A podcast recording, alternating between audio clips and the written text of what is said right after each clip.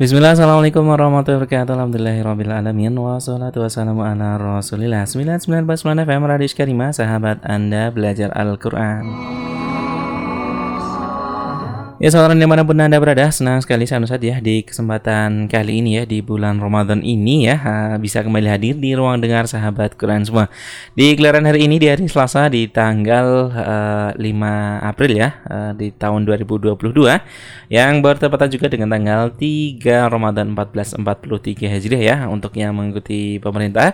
Dan di tanggal 4 Ramadan ya Mungkin yang mengikuti uh, selain dari yang dari pemerintah ya bisa dari Muhammadiyah atau juga yang mengikuti dari Mekah sendiri atau juga di dari Arab.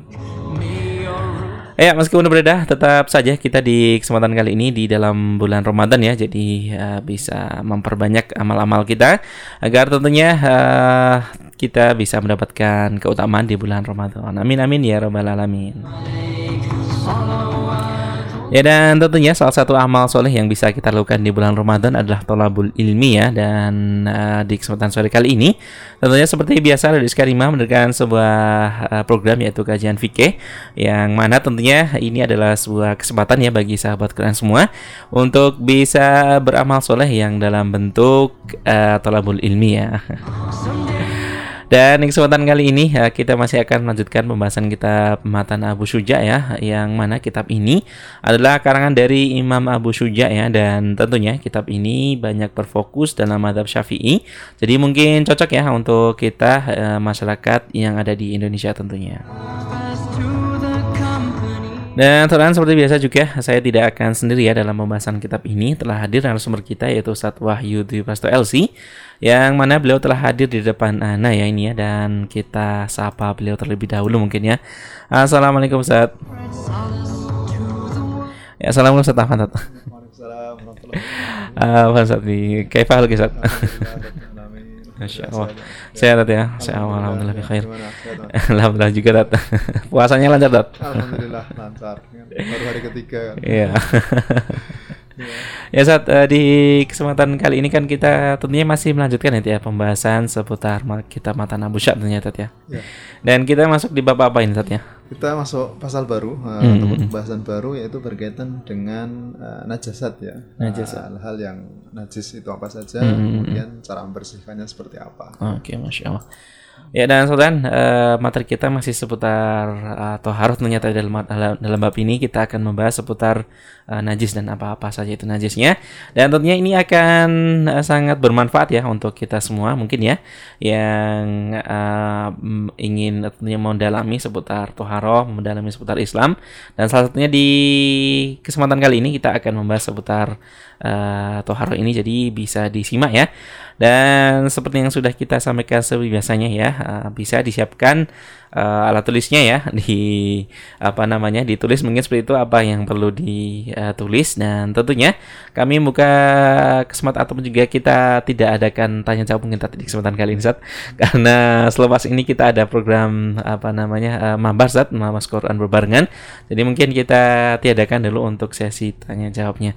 Dan Zat untuk menghemat waktu saat kita mungkin langsung saja ke inti materi kita di kesempatan kali ini. Tafadhol Ustaz. Ya, uh, خيرا كثيرا بسم الله الرحمن الرحيم الحمد لله رب العالمين والصلاة والسلام على أشرف الأنبياء والمرسلين وعلى آله وصحبه ومن سار على نهجه إلى يوم الدين أما بعد Alhamdulillah bersyukur tentunya kita panjatkan kepada Allah Subhanahu wa taala pada kesempatan ataupun pada waktu yang mulia ini di bulan yang sangat mulia yaitu di bulan Ramadan ini kita masih diberikan banyak sekali limpahan nikmat kita bisa menjalankan ibadah puasa uh, pada hari-hari ini dengan lancar tanpa ada halangan sama sekali maka hendaknya kita selalu bersyukur uh, kepada Allah Subhanahu wa taala kita dimudahkan masih bisa sahur masih bisa berbuka uh, mungkin beberapa dari saudara-saudara kita bisa hmm. jadi mereka menjalankan ibadah puasa sulit untuk uh, sahur atau yeah. mungkin berbuka juga sulit. Hmm. Ini kita diberikan kenyamanan, diberikan kemudahan, maka perlu untuk kita selalu banyak-banyak bersyukur kepada Allah atas apa yang diberikan kepada kita semua tersebut. Amin, amin, amin. Ya supaya uh, menjadi uh, uh, bagian dari kewajiban kita karena kita diwajibkan untuk bersyukur kemudian supaya Allah Subhanahu wa taala juga tidak mencabut nikmat tersebut uh, kemudian juga malah uh, menambahkan nikmat yang diberikan kepada kita semuanya. Alhamdulillah para pendengar dan sahabat Quran di mana pun berada Insya Allah kita melanjutkan masih dalam pembahasan kitab Taharah, uh, pembahasan-pembahasan melanjutkan pembahasan kita yaitu berkaitan dengan ahkamun najasat ataupun hukum-hukum seputar dengan najis. Ini yang uh, perlu untuk kita ketahui karena tentunya uh, kita dalam mengerjakan sholat ataupun mungkin dalam kondisi selain sholat saja juga kita uh, secara tabiat ataupun secara manusiawi itu kita akan menghindari hal-hal yang namanya najis tersebut gitu kan. karena secara tabiat Allah Subhanahu wa taala menjadikan orang itu pasti ya tidak uh, nyaman ataupun tidak tenang kalau sumpamanya ada di badannya ataupun mungkin di pakaiannya ataupun tempat yang dia tempati itu ada najisnya. Mm -hmm. Makanya kita diperintahkan untuk uh, mengetahui habis itu setelah kita mengetahui baru kemudian kan kita bisa menghindari hal-hal yang uh, dihukumi oleh syariat bahwa hal tersebut itu najis. Apalagi dia berkaitan dengan eh, ibadah-ibadah yang kita kerjakan seperti sholat. Sholat kita tidak bisa sah kalau sumpamanya kita ataupun kita terkena najis. Nah berkaitan dengan najis sendiri itu kan secara istilah bahasa disebutkan oleh para ulama itu kan uh, asyai'ul mustaqdar. Sesuatu yang dia menjijikkan. Nah. Hmm, jadi uh, sesuatu yang setiap sesuatu yang menjijikkan itu secara bahasa disebut sebagai najis. Nah, walaupun ini yang bukan ini yang dimaksudkan oleh syariat. Karena kalau menjijikkan itu kan mungkin kayak seperti uh, ludah ataupun mungkin riak ataupun mungkin ingus itu kan kita menganggapnya dia menjijikkan. Tapi secara hukum syariat ini tidak masuk dalam kategori hmm. tidak masuk dalam kategori bahwa dia itu dihukumi najis. najis. Maknanya walaupun kita tetap akan menghilangkan hal-hal tersebut, tapi kalaupun seumpamanya dalam kondisi kita sholat ataupun sebelum sholat ya ada hal-hal tadi itu menempel di pakaian kita ataupun mungkin di badan kita ya, dan kita mengerjakan sholat dalam kondisi tersebut, sholat kita masih tetap dihukumi sebagai sholat yang sholat yang sah. Nah, apa itu yang dimaksudkan oleh uh, syariat dalam istilah di kalangan para fuqaha, itu yang namanya najis itu disebut sebagai uh, kullu ainin harumatanawuluha ala al-itlaq halatul ikhtiar. Jadi setiap sesuatu yang dia diharamkan untuk dimakan ataupun diminum secara mutlak ya, mutlak maknanya entah sedikit ataupun banyak tidak boleh. Jadi ini hmm, umum, hmm. entah sedikit atau banyak tidak tidak boleh. Kemudian dalam kondisi uh, tidak terpaksa ataupun dalam kondisi ya bukan dalam kondisi darurat. Beda kalau seumpamanya mungkin kita dalam kondisi darurat tidak mendapati makanan kecuali bangkai seumpamanya Nah, ini kan bangkai dia masuk dalam kategori yang najis, ya. tapi dia dibolehkan di sini karena memang kondisinya adalah kondisi darurat. Darurat. Nah, ini uh, maka uh, dalam kondisi tidak darurat, ya berarti ini kan dia sesuatu yang dia tidak tidak boleh untuk di, tidak boleh dimakan. Ya. Kemudian ma'asuhulu tamyiz dengan uh, kondisi yang lain juga adalah dia mudah untuk di mudah untuk dibedakan. Mm -hmm. Mudah untuk dibedakan. Ini berbeda kalau seumpamanya ada seperti uh, mungkin uh, ulat ataupun mungkin uh, yang biasanya ada pada buah itu kan itu ulat-ulat kecil itu kan nah, kadang kita nggak tahu. Pas posisi kita makan buah habis itu ternyata ada ada ulat. Ulatnya. Ini kan susah kalau semuanya harus mungkin setiap makan buah harus kemudian dipilah-pilah terlebih nah, dahulu nah. ataupun dibelah-belah terlebih dahulu sampai yakin memang tidak ada tidak ada ulatnya di situ. Nah ini uh, dalam kondisi ini dia di sini dihukumi dia tidak najis gitu kan dihukumi dia tidak najis uh, walaupun mungkin dalam kondisi tertentu mungkin kemakan. Hmm. tapi tetap aslinya tidak boleh dimakan. Ini kan uh, dimaafkan. Ini kan kalau sumpamanya memang tidak dia itu uh, dalam kondisi makan buah. Tapi kalau buah ada ulatnya kemudian diambil dia makan ya tidak boleh.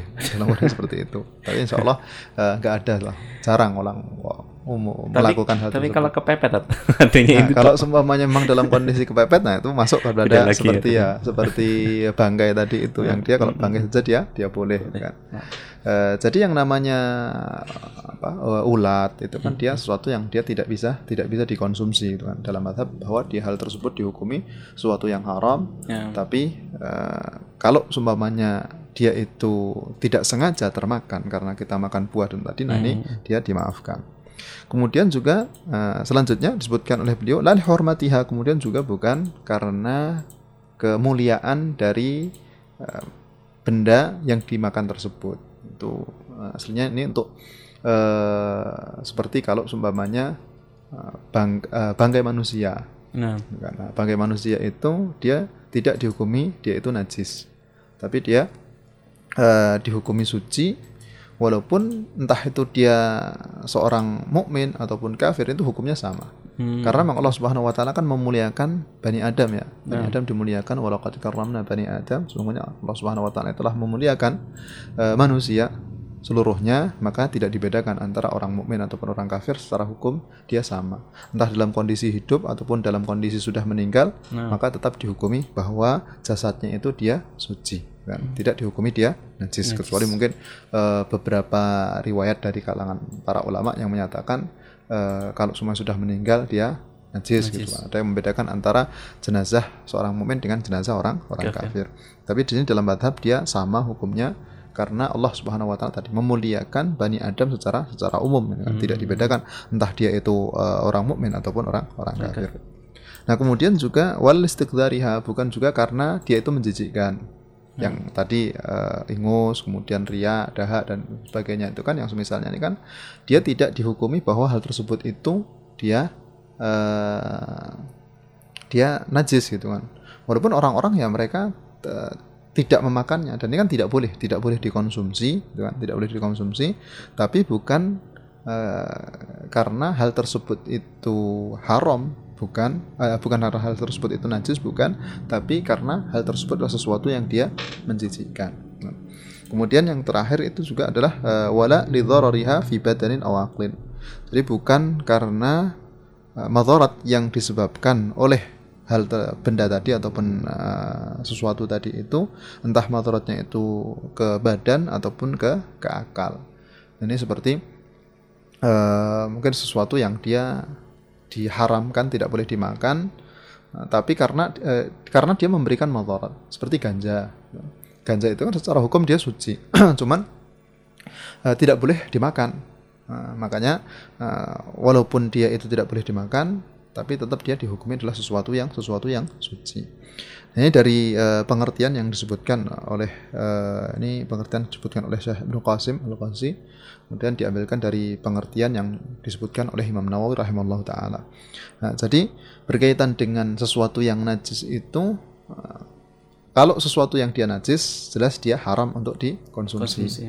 Tapi bukan sesuatu yang di, uh, bukan berarti kalau sumpamanya dia itu haram untuk dikonsumsi kemudian dia dikatakan najis, najis. kayak tadi ganja, kemudian hmm. racun itu kan dia uh, dihukumi dia suci. Nah. Tapi tidak uh, berarti kemudian ketika dia dihukumi suci kemudian dia boleh untuk di untuk dikonsumsi. Nah.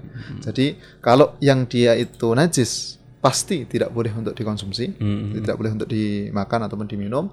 Tapi sedangkan yang dia itu uh, tadi tidak tidak najis, gitu kan? ataupun yang dia tidak uh, tidak najis bukan berarti kemudian dia itu bisa untuk di Konsumsi. bisa untuk dikonsumsi ataupun di uh, entah dimakan ataupun ataupun diminum. Ini berkaitan dengan pengertian pengertian uh, najis di kalangan para di kalangan para ulama. Nah, kemudian uh, Syekh Abu Suja menyebutkan dalam matanya di sini wa kullu ma'in kharaja minas sabilaini najisun ilal mani. Nah, sekarang apa saja sih yang dia masuk dalam kategori yang najis tersebut? Nah, kan tadi kan pengertian secara secara umum. Nah, sekarang apa-apa saja yang dia masuk dalam kategori yang dia itu najis. Beliau menyebutkan wa kullu ma'in setiap benda cair hmm. yang keluar dari dua jalur yaitu kubul dan dubur dihukumi dia itu najis. Kecuali ilal mani, kecuali mani.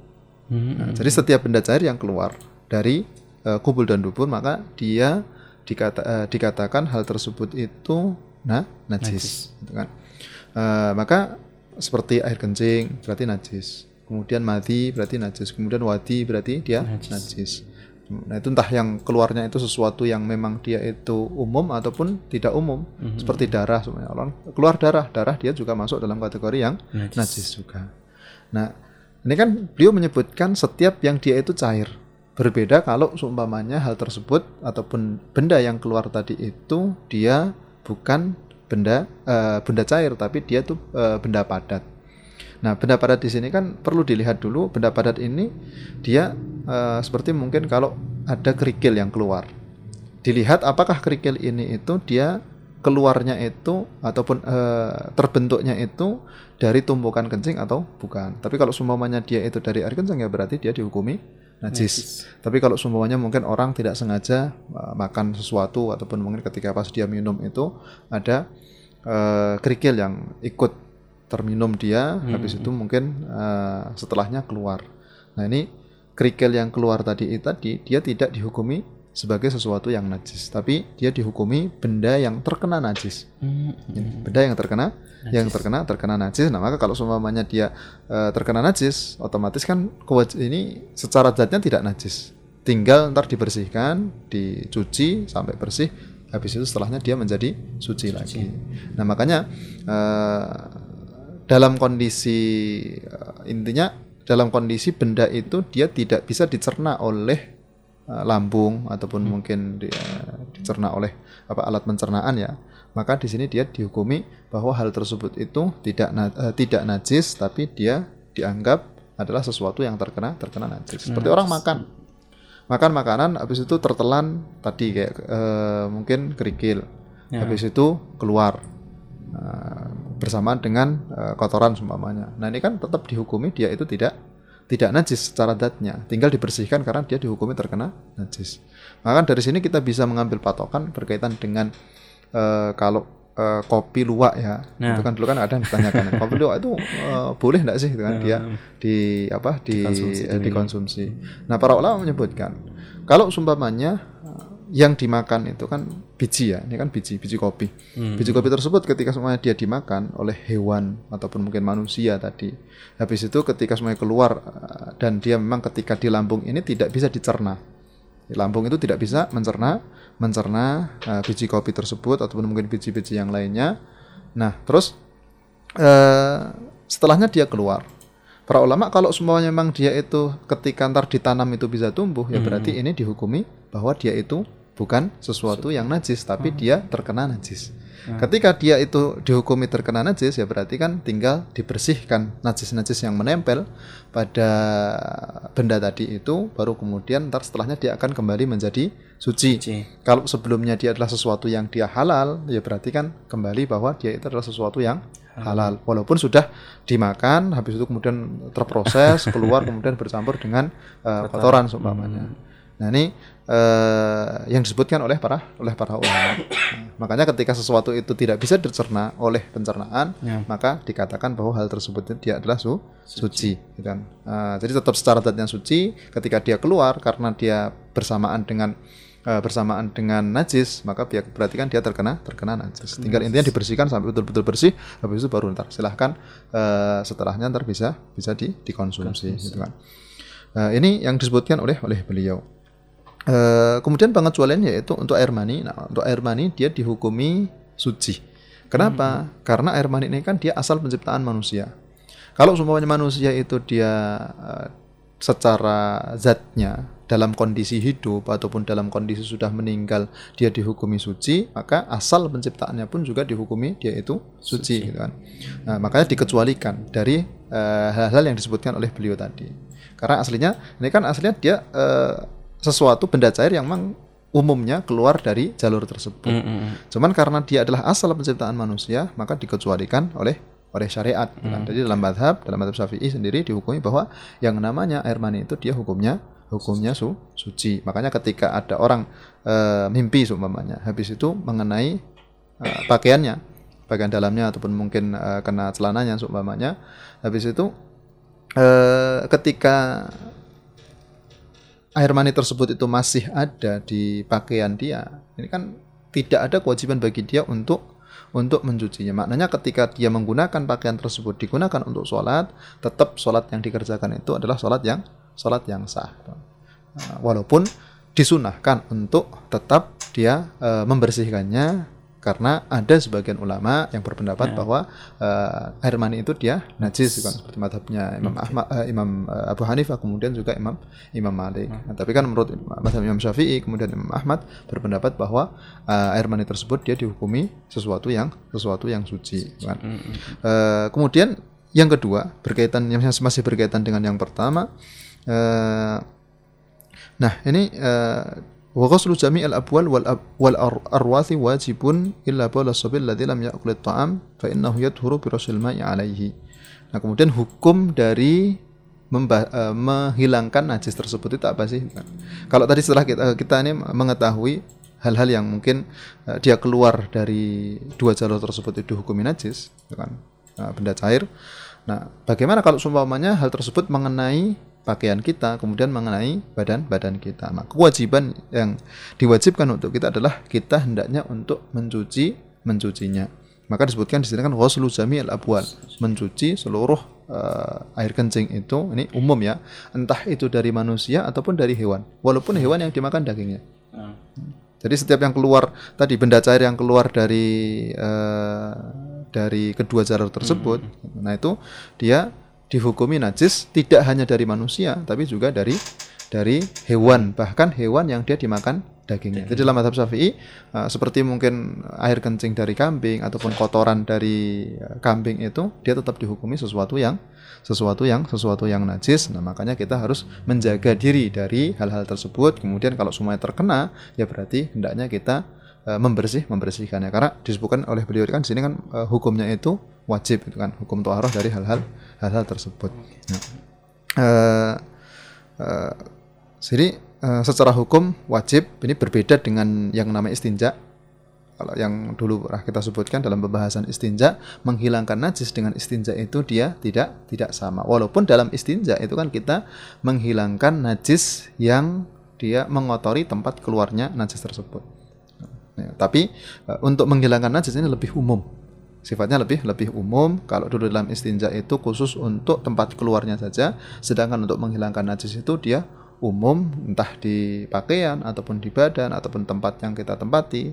Kemudian untuk menghilangkan pun juga e, disebutkan oleh para ulama tidak bisa kecuali dengan menggunakan air. air. Kalau kemarin dalam istinja kan bisa menggunakan batu ataupun sesuatu yang dia bisa memiliki, bisa membersihkan sebagaimana batu, dia bisa hmm. digunakan untuk membersihkan. Tapi sedangkan untuk toharoh dari e, najis ini ya kita tetap harus menggunakan yang namanya yang namanya air dan tidak bisa diganti tadi dengan bat, dengan diusap ataupun mungkin diganti dengan tayamum semuanya. Hmm. Jadi dalam madhab tidak bisa tayamum itu kok menggantikan dari me menghilangkan menghilangkan najis tidak tidak, bisa. bisa.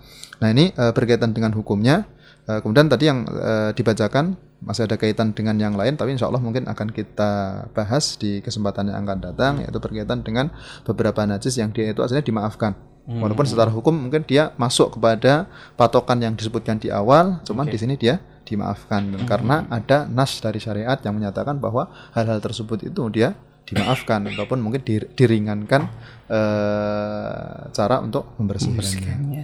Ini mungkin yang kita bahas pada kesempatan sore hari ini. Insya Allah ntar akan kita lanjutkan di kesempatan yang akan datang. Wassalamualaikum warahmatullahi wa alihi wa sahbihi wasallam.